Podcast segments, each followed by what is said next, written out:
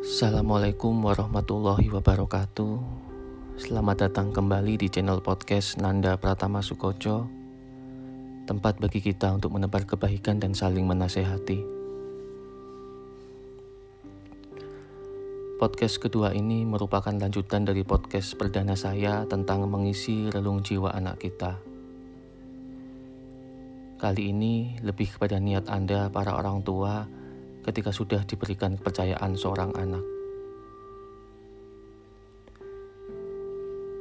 Saudaraku, para orang tua, bagaimana hubungan Anda dengan anak anak Anda saat ini? Sudahkah Anda mulai berubah mencoba meluangkan waktu bersama anak Anda? Bagaimana hasilnya? Berhasil atau belum, nikmati saja dan ingat niatkan semua hanya karena Allah, agar langkah kita untuk mengisi relung jiwa anak kita dimudahkan olehnya. Saudaraku, para orang tua, teringat dengan sosok manusia terbaik di dunia ini, Nabi Muhammad SAW. Bagaimana Nabi memuliakan anak. Beliau bahkan memendekkan sholatnya ketika mendengar tangisan anak. Bahkan karena anak pula Rasulullah Shallallahu Alaihi Wasallam pernah bersujud begitu lama, sehingga saking lamanya bersujud, para sahabat mengira Rasulullah Shallallahu Alaihi Wasallam sedang menerima wahyu dari Allah. Padahal yang sesungguhnya ada cucu Nabi yang sedang menaiki punggungnya. Masih tentang mencintai anak, Rasulullah SAW pernah bersabda, Cintailah anak-anak dan sayangilah mereka Bila menjanjikan sesuatu kepada mereka, tepatilah. Sesungguhnya yang mereka ketahui hanya kamulah yang memberikan mereka rezeki. Hadis riwayat atau hawi. Jika melihat Rasulullah SAW dalam mencintai anak begitu besar, bagaimana dengan Anda? Apakah Anda pernah mengusap kepala anak Anda? Atau pernahkah Anda mencium kening anak Anda ketika dia rindu sosok seorang ayah? Saudaraku, inilah beberapa pertanyaan yang harus kita jawab dengan jujur. Tanyakan pada hati Anda.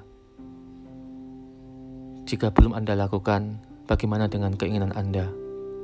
Yang katanya ingin terbebas dari siksa api neraka, sedangkan Anda sendiri jarang bersama anak Anda apalagi ingin menciptakan pribadi yang kokoh dan kuat imannya. Ingatlah, saudaraku, semua ini nantinya akan berakibat pada sulitnya Anda mengajarkan nilai-nilai agama yang akan menyelamatkan keluarga Anda di akhirat kelak. Jika kita ingin dihormati oleh anak kita, maka jangan menciptakan jarak dengan anak. Dan jika ingin disegani, jangan menanamkan ketakutan karena masih kita dapati orang tua yang enggan mengusap air mata anaknya ketika mereka menangis. Bahkan ada juga yang tidak pernah menyempatkan diri meski cuma sekali untuk membaringkan tubuh anaknya yang letih. Kita ingin disayang oleh anak kita ketika usia kita telah tua, tetapi tidak pernah menanam cinta dan kasih sayang ketika mereka masih kecil. Kita ingin dirindukan oleh anak-anak kita di saat renta, tetapi tak pernah punya waktu untuk tertawa bersama mereka. Kita telah merasa cukup dengan kerja seharian untuk memenuhi kebutuhan mereka. Kemudian kita berharap hanya istri yang lebih tahu kebutuhan anak-anak di rumah. Namun, lebih tragis lagi, istri pun juga tidak tahu karena sudah ada pembantu di rumah. Saudaraku, niatkan semua karena Allah. Jika semua yang sudah saya sebutkan tadi Anda belum melakukannya, berjanjilah untuk segera melakukannya. Namun, kita juga jangan memberikan kasih sayang kepada anak kita hanya untuk ingin dibalas dengan kebaikan dan dipenuhi kebutuhan kita di masa tua nanti. Karena bisakah Anda menjamin anak-anak Anda akan hidup sampai dewasa nanti?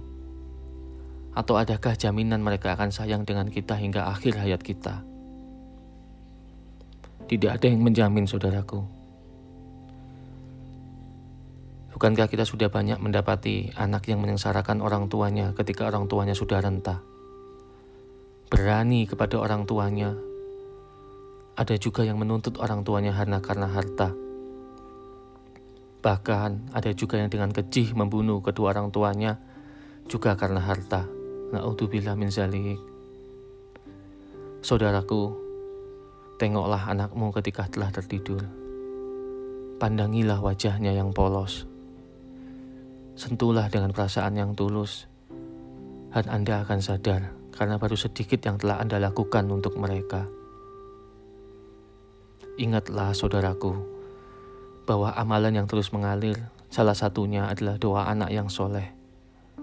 Dan nantinya kita yang akan diminta pertanggungjawabannya atas apa yang telah kita ajarkan kepada anak kita di akhirat kelak nanti. Terima kasih, semoga bermanfaat dan semoga kita semua menjadi orang tua yang lebih baik lagi. Wassalamualaikum warahmatullahi wabarakatuh.